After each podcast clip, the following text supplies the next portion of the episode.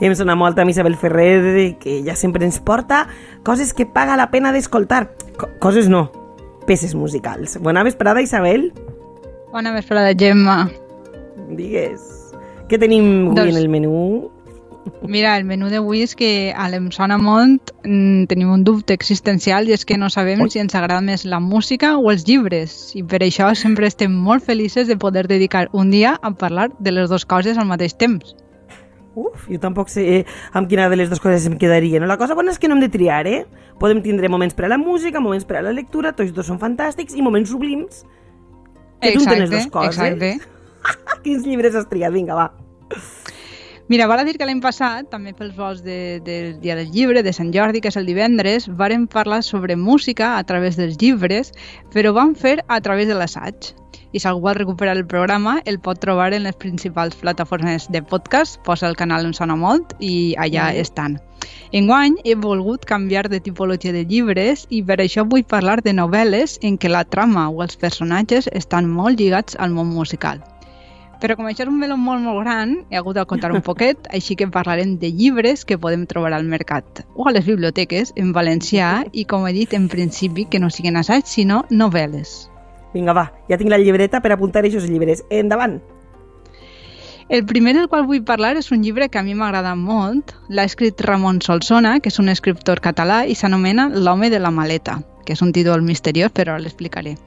És un llibre molt, molt curiós perquè, a diferència de molts altres llibres sobre música que giren al voltant de la música clàssica o de la música popular tipus jazz o rock, L'home de la maleta és un rara avis perquè el protagonista, un músic d'orquestra dels anys 40 i 50, que ja s'ha fet major, eh? està en època contemporània.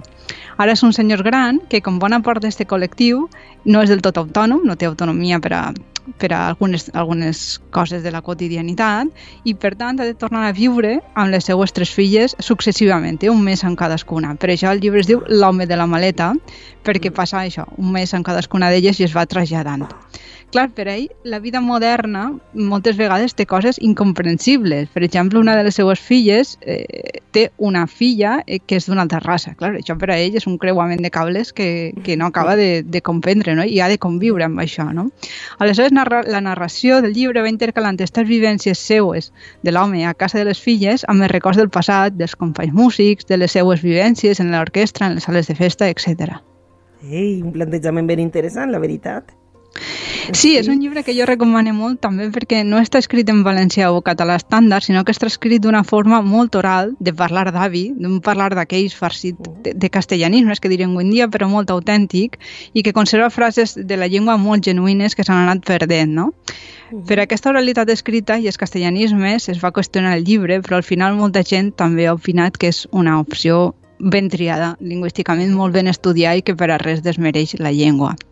Per més enllà de la llengua, jo el recomanaria perquè és una bona manera d'acostar-se a la música popular dels nostres avis en una època en, en blanc i negre i ens ajuda a parar-nos a pensar en tots els avanços socials que per a nosaltres són habituals i que per a aquestes persones, la majoria educades en una altra època, són di difícils, diferents, aleshores crec que és un bon exercici per a posar-nos en el lloc de l'altre i, i també de les persones majors sobretot. I tant. I quina música li posem a este llibre de Ramon Solsona? Com més obvi, jo crec que a este llibre li han de posar de fons una música popular dels anys 40 o 50 i jo he escollit un, un bolero que té, que té valor sentimental per a mi, que és, que és de Bonet de San Pedro i que, que sonarà a continuació. Isabel era una rosa del lugar la más hermosa, una flor bella como un sol y el amor muy caprichosa, un galán de buen partido, nada bien. Li pega sí que sí. Vinga, sí. llibre, Isabel. sí. Sí, ara comencem amb uns quants llibres que tenen com a protagonista el violí, que no sé per què, però els escriptors i les escriptores tenen una fixació especial per aquest instrument que protagonitza moltíssimes novel·les i ben diferents. Uh -huh. El primer llibre sobre el violí del qual vull parlar-vos s'anomena El músic del Boulevard Rossini i està escrit per l'escriptor de Villarreal, Vicent Ussó, Oh. S'hi explica la història de Tadeusz, que és un violinista polonès que arriba a una vila mediterrània de mida mitjana del nostre entorn, eh? no diuen el nom i arriba intentant forjar una carrera en el món professional de les orquestres de música clàssica, però en realitat ha sofert l'engany d'una de les màfies que trafiquen amb persones i sota la promesa d'una prova en una orquestra clàssica que mai, que mai arriba, el músic malviu tocant en el carrer. Uf, un tema greu i delicadet delicat. Sí, sí, sí, del llibre destacaria no, que explica molt bé les motivacions d'un músic i com costa d'arribar al món professional i com qualsevol de nosaltres, que en principi tenim una vida còmoda amb, les no amb els nostres somnis, eh, podem caure en el tràfic de persones i en l'explotació. Crec uh -huh. que és un llibre que ajuda a reflexionar i que ens farà pensar cada vegada que vegem músic de carrer, no? que sovint estan molt infravalorats en quina és la història que, da, que hi ha darrere d'aquella persona, perquè no en coneguem les circumstàncies i, i com viu no? és este fet i, i què és el que fa i quines són les seues condicions laborals. Ja. Eh, fa vindre ganes, la veritat, de llegir este llibre i, a més, de Vicent Ussó. Sí, per a, per a les persones que segueixen Vicent Ussó, ell també s'ha dedicat moltíssim a la divulgació literària i una cosa que a mi m'ha sorprès del llibre eh, és, és com el narrador interactua amb nosaltres, no? es manté normalment neutre explicant la història des de fora, però a vegades jo amb això i crec que fa que el llibre guanye. Si us recordeu, el violinista és polonès i ara per amenitzar el llibre escoltarem un arranjament per a violí i piano d'una peça del compositor polonès més cèlebre, que és Chopin, eh, d'un també dels seus cèlebres nocturns.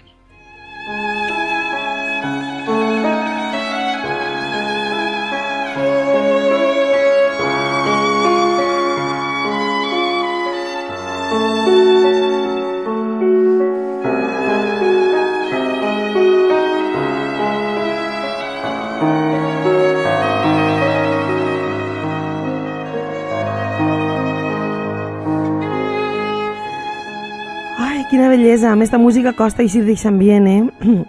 Però sí, sí. ho fem, ho fem. ho fem que tenim més sí. llibres preparats.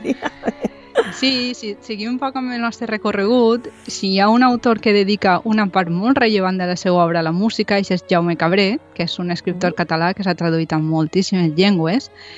Diria que el seu llibre més exitós és Les veus del Pamano i probablement, però probablement és una de les quals menys presència de la música perquè la resta estan absolutament farcits de musicalitat. De fet, hi ha fins i tot una tesi que estudia la musicalitat en els llibres de, de Cabré, no? Eh, aleshores, el resultat és que és difícil escollir-ne un de tots, però com estem parlant de violins, eh, podem parlar breument d'un dels últims que ha publicat, que porta per títol Jo confesso, que és una obra que ha estat qualificada d'obra mestra de la literatura en les seues quasi mil pàgines, que estic molt pronte, narra la història d'un violí i del seu propietari, que és Adrià Ardèvol, portar-nos per diferents moments històrics amb un refons que és una reflexió sobre el bé i sobre el mal. Ai, jo me cabré, fixat que una hora abans hem entrevistat a gent de llibreries i ens han recomanat precisament a Jaume Cabré i, i, i aquesta proposta no, que deies, sí, també l'última que ha escrit. Sí, perquè té una habilitat es especialíssima i és que, a més de reflectir molt bé l'esperit de cada època on treballa, els seus llibres enganxen molt, que és una cosa que s'agraeix no? com, a, com a lector. Així que no vos espanteu per les mil pàgines perquè no podreu amollar el llibre. Però si voleu començar per un format un poc més breu, el llibre Viatge d'hivern és un recull de contes que prenen el nom d'un recull de cançons de Franz Schubert, també el mateix nom, Viatge d'hivern, que en alemany és Winterreise.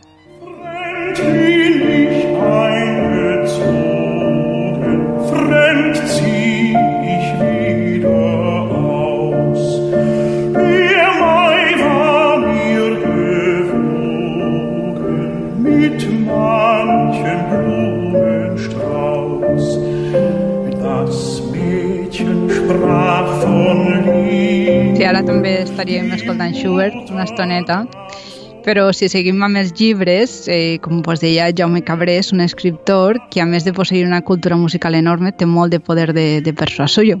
Així uh -huh. que he pensat que si algú vol seguir en este, en este tipus de, de novel·les no? que, que ens enganxen a seguir perquè tenen un misteri gran, podem uh -huh. també passar per la novel·la negra i, i n'hi ha, un, ha de molt musicals i jo l'última que he llegit és d'un escriptor conegut que és Andrea Camilleri que com sabeu és és l'autor i pare del detectiu Montalbano, que és simultàniament un homenatge a Manuel Vázquez Montalbán. Doncs Camil llegit un llibre que es diu La veu del violí, que ja té uns quants anys, però està traduït al valencià, on el violí és el protagonista entorn al qual gira el misteri d'esta novel·la negra. I fins així podem llegir. I no direm res més. I ara el que farem és canviar totalment de registre.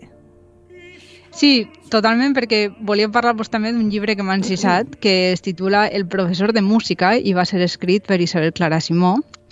I és que no sabria definir-lo del tot, perquè és com una espècie de fàbula que explica la història d'un professor de música que arriba a una vila que és com medieval o antiga. A, a, és, és que és un llibre prou especial, no? Que, a fer classes de música als, als fills d'un dels proms d'aquell poble. Este professor apenes porta pertinences amb ell, excepte una caixa misteriosa que algunes persones poden veure i altres no. I a partir d'ací, el llibre és un autèntic festival de, de vocabulari, de, de registres, alterna l'escriptura més tipus conte narratiu amb altres tipus diàlegs de teatre, de vegades pareix que camina cap a l'escriptura eròtica, d'altres és una història màgica, Bé, en, en realitat és un llibre que parla d'amor lliure, de, de feminista, de, de feminisme, de formes de vida alternatives, i no és llarg, eh? Dit així no em pareix molt llarg, però la veritat és que és, és, és com un, un joguet, una xicoteta joia, que fins i tot en l'edició que jo he consultat canvia de tipografia a cada capítol, de, de tipus de lletra. Aleshores, crec que no és dels llibres més famosos d'Isabel Clara Simó, però si podeu llegir-lo, segur que té coses que vos seduiran. Segur. I amb quina música acompanyem este llibre? Costa de triar perquè el llibre ja vos dic que va com mudant, no? Al principi és una època imaginària de conte, com medieval, després salta època contemporània, després tornen enrere en el temps. En tot cas, he llegit alguna entrevista a Isabel Clara Simó i sembla ser que ella era molt aficionada a Bach, crec que en el llibre ho menciona també, no ho recordo del tot, i com el personatge toca la flauta, posarem música del compositor germànic per a aquest instrument. Música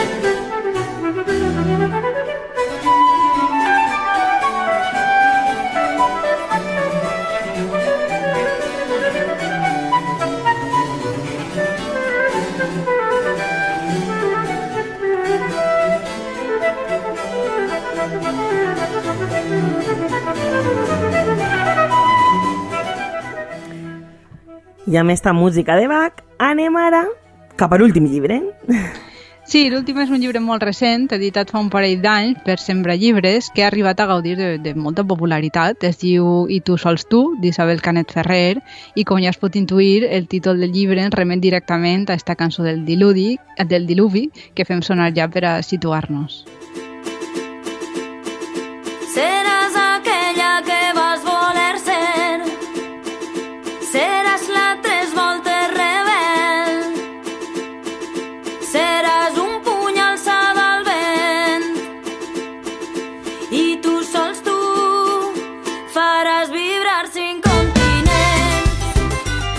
El, el llibre és, és un recull de, de contes independents que tenen en comú el fet d'estar inspirats en una dotzena de cançons contemporànies de, de la nostra època en valencià.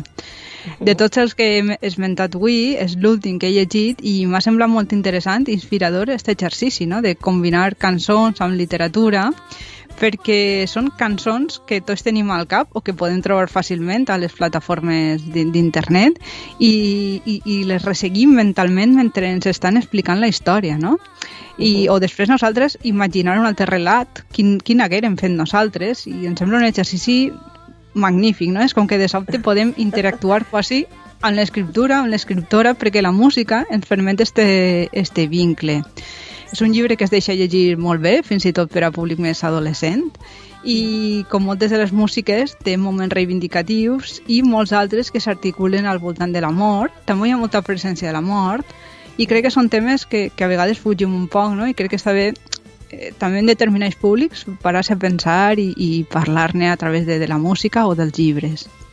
Doncs, efectivament, paga la pena de parlar-ne de tots i quin extraordinari recull de llibres i músiques ens has presentat avui. Moltes gràcies. Ai, gràcies.